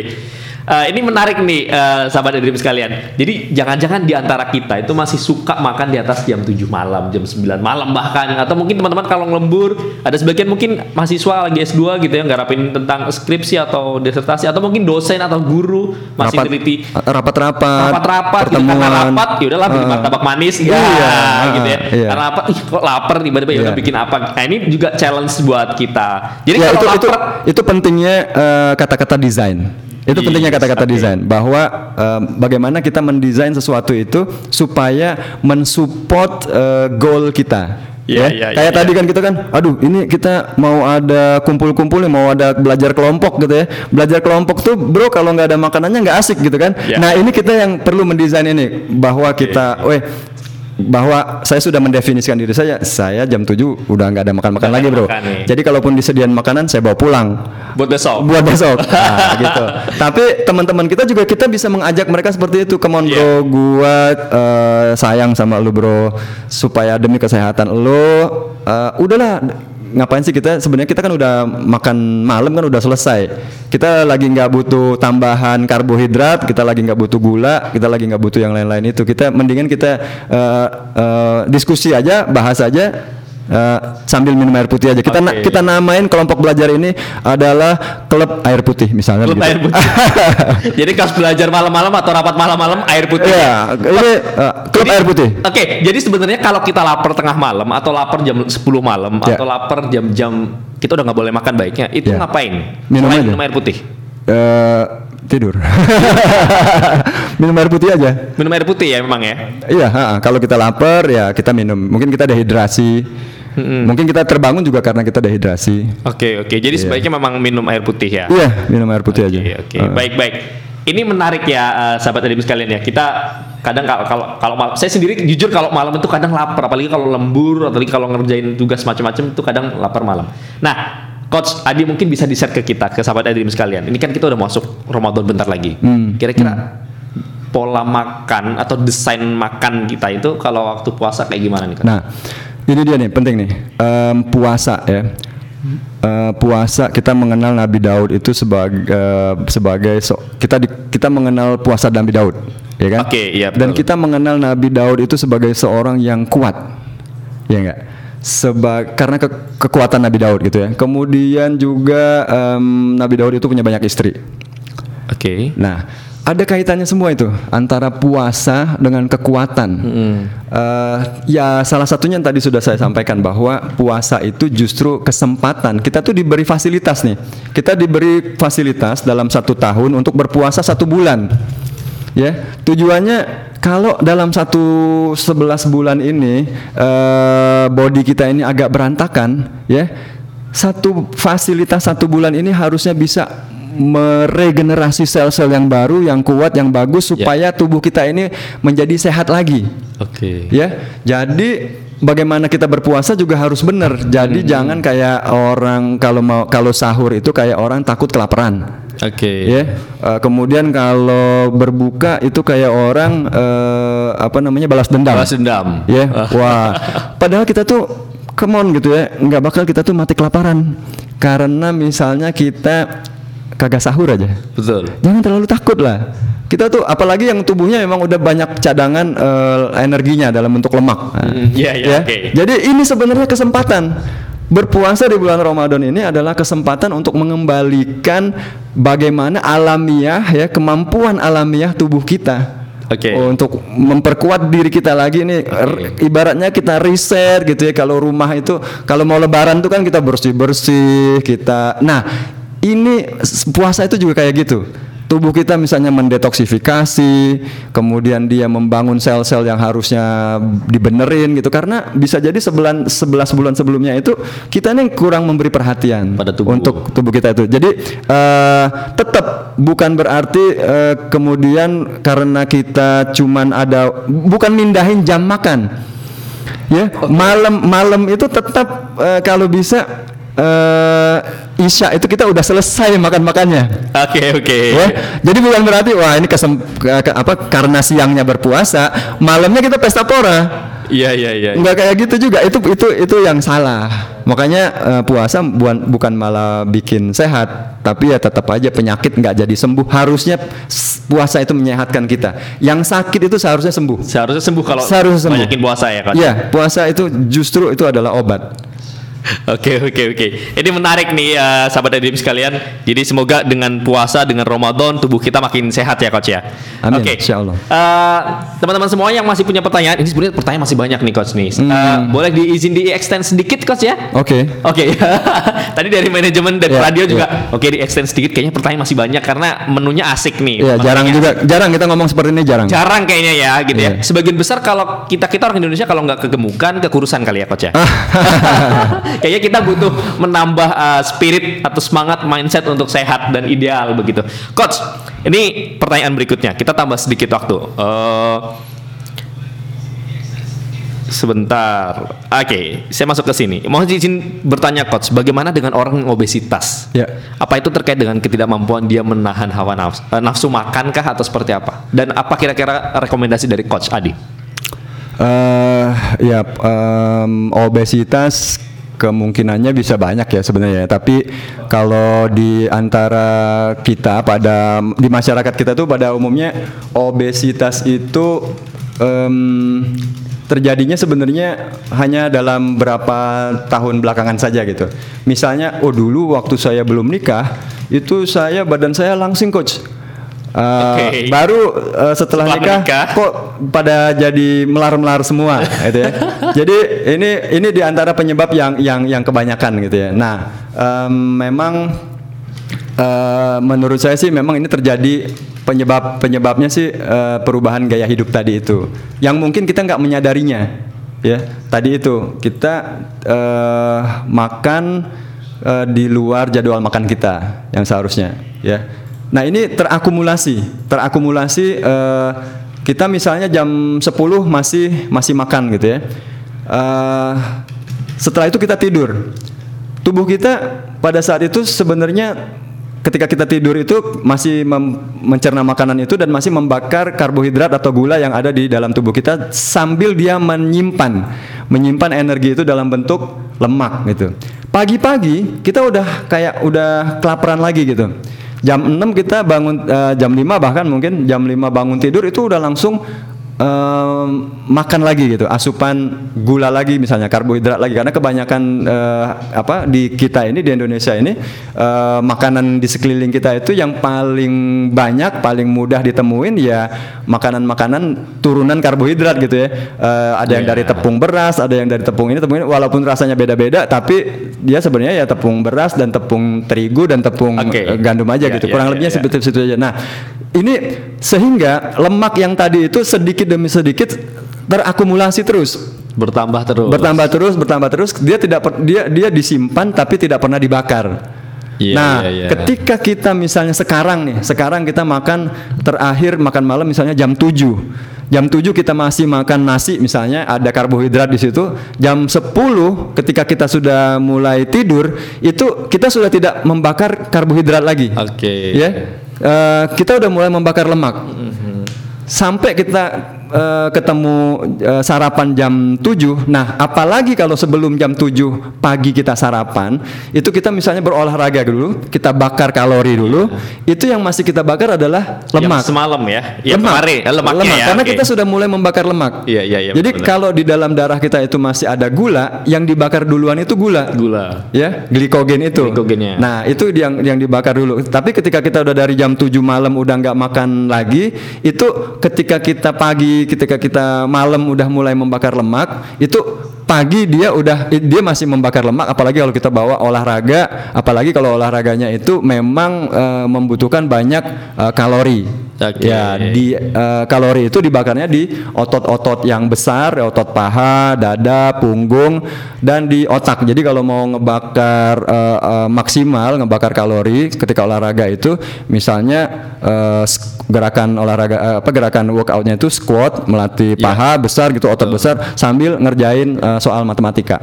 Jadi otaknya juga ngebakar kalori yang banyak Jadi keduanya jalan. jadi ya, kebakarnya ya. semua gitu ya, ya. Tapi ini ini bukan karena kebanyakan eh, kebakaran. bukan ya coach ya? Bukan, bukan. Oke, eh, coach, ini masih ada pertanyaan lagi berkaitan dengan sebaliknya. Ya. Ini ada pertanyaan dari Mas Ahmad Tamimi di eh, apa namanya komentar di YouTube. Jadi sahabat Edim boleh bertanya juga di YouTube atau boleh eh, t- eh, WA ke 0822 988 1044. kalaupun nggak semuanya kita jawab hari ini, semoga kita bisa jawab next ya coach ya Ya, di pertemuan berikutnya. Nah ini dari Mas Ahmad Tamimi, orang yang sakit mah umumnya tubuhnya underweight. Hmm. Ya, jadi di, di bawah tubuh ideal. Bagaimana supaya punya berat badan ideal? Hmm. Tidak tidak terlalu kurus. Itu gimana? Ini mungkin kebalikan ya. Kalau tadi kan obesitas nih terlalu Ya, berat. ya, ya, ya, ya. terus jadi ideal kayak gimana? Nanti kalau Ya, ya. yang underweight kayak gimana nih, coach? Ya memang eh, umumnya sih kita selesaikan dulu masalah kesehatannya. Ya kalau memang dia sakit mah eh, eh, obati sakit mahnya. Nah mm, mah itu mungkin bisa jadi apa namanya? eh, bagaimana sih supaya lambung lambungnya itu sehat lagi gitu ya.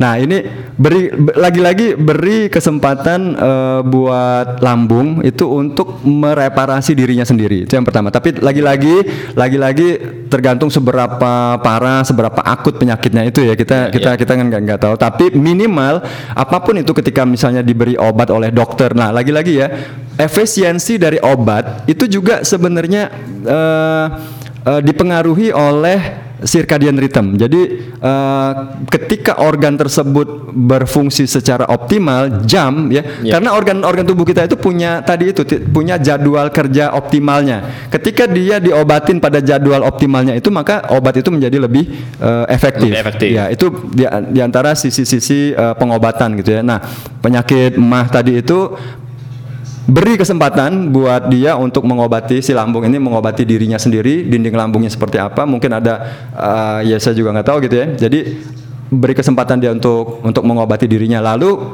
kemudian untuk eh, tadi supaya pencerna kalau itu sudah sembuh eh, sudah normal mestinya udah kayak orang orang normal lagi Oke. Nah, jadi kemudian pencernaannya kan menjadi normal lagi, barulah kemudian tadi pertumbuhan yang seharusnya berat badannya ideal, seharusnya eh, seperti apa itu baru bisa kita kita harapkan. Karena keseimbangan hormon pertama pencernaannya sudah diperbaiki eh, sehingga nutrisi yang eh, seharusnya dibutuhkan itu bisa diserap, kemudian keseimbangan hormon juga bisa diharapkan karena eh, sehari-hari organ-organ tubuh yang harusnya memproduksi hormon itu juga berfungsi secara secara normal. Jadi kita bisa jadi kita bilang secara otomatis eh, berat badan ideal itu bisa tercapai gitu ya dengan tentunya dengan ke- kecukupan eh, nutrisi makanan Oke. yang yang berkualitas itu dan eh, bisa juga dengan tambahan adalah dirangsang dengan berolahraga gitu supaya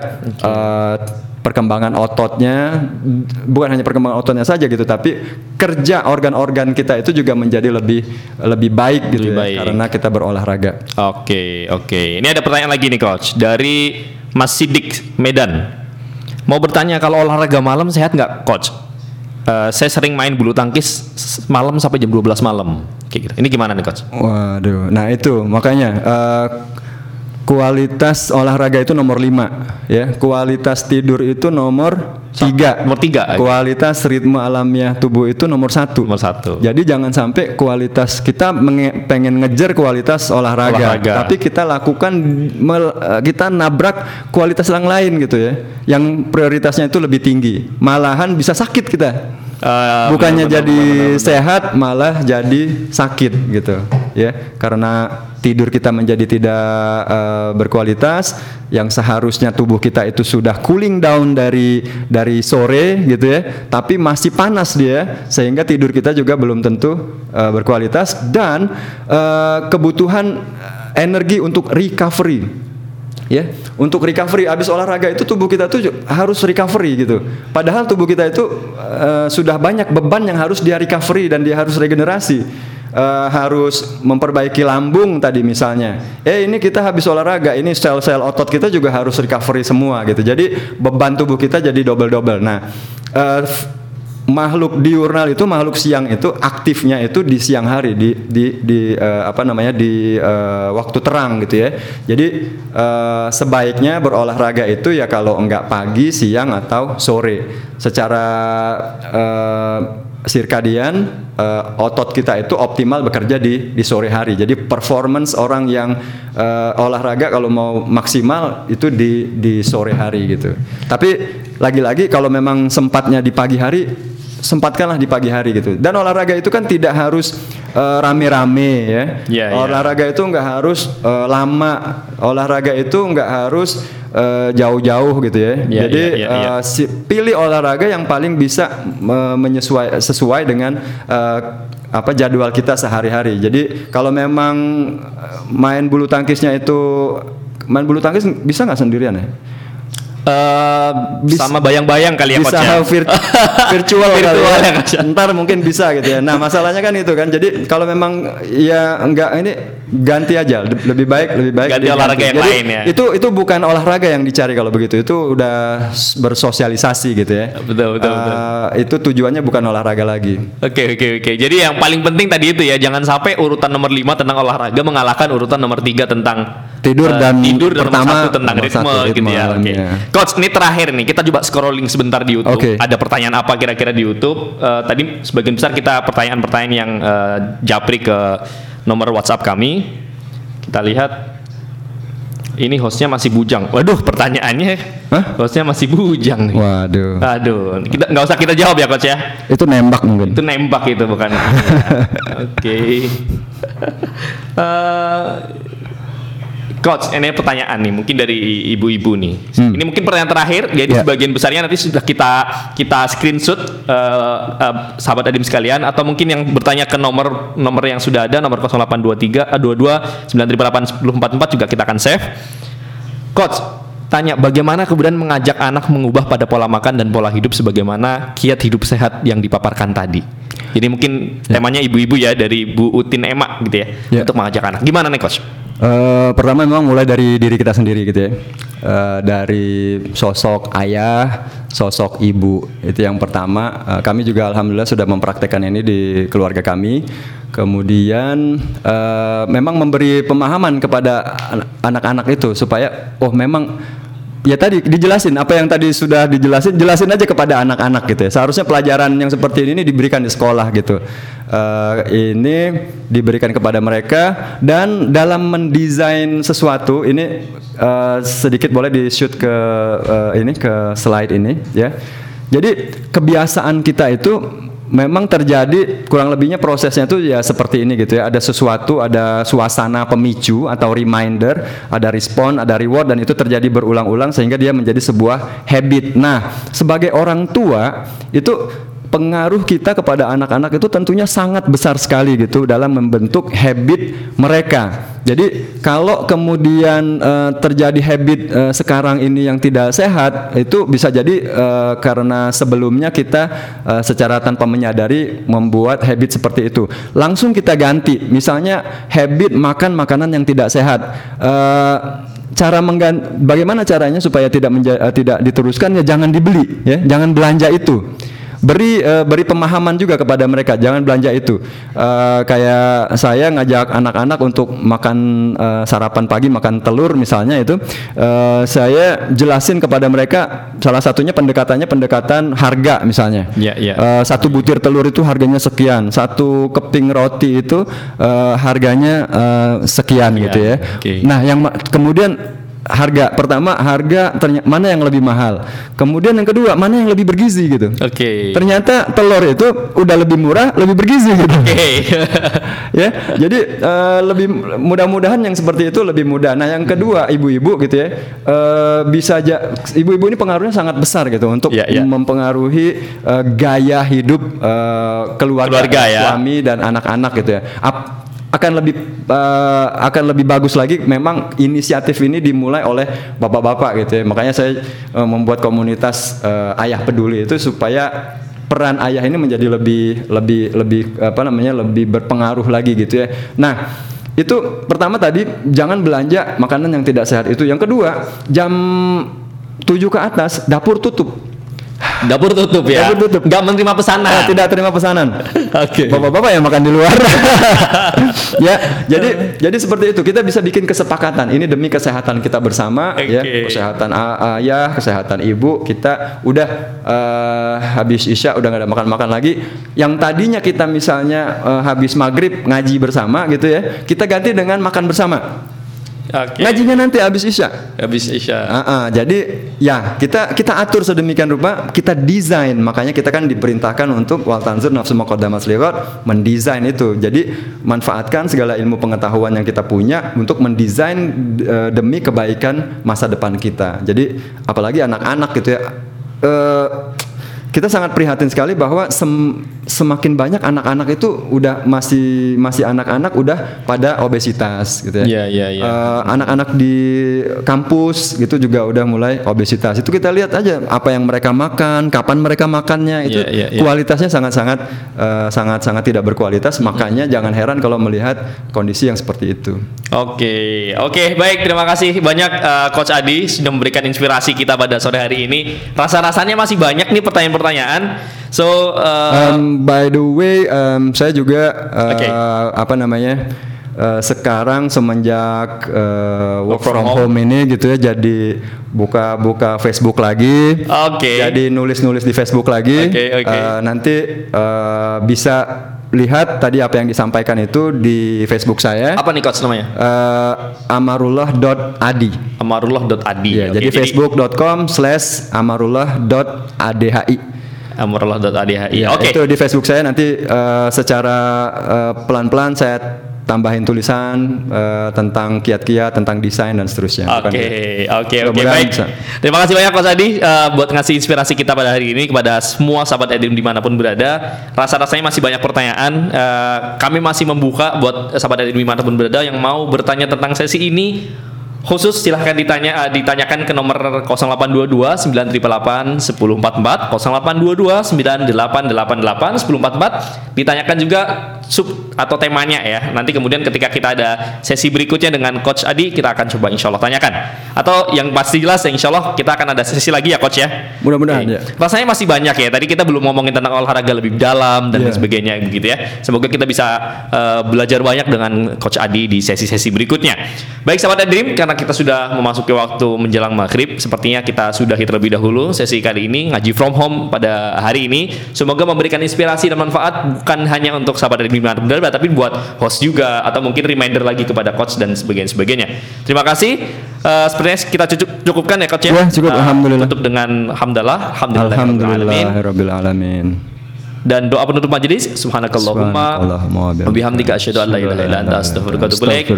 Saya Farudin Alwi eh, sebagai host hari ini beserta semua petugas dan kru yang bertugas. Mohon maaf apabila ada kesalahan. Terima kasih. Assalamualaikum warahmatullahi wabarakatuh. Waalaikumsalam warahmatullahi wabarakatuh.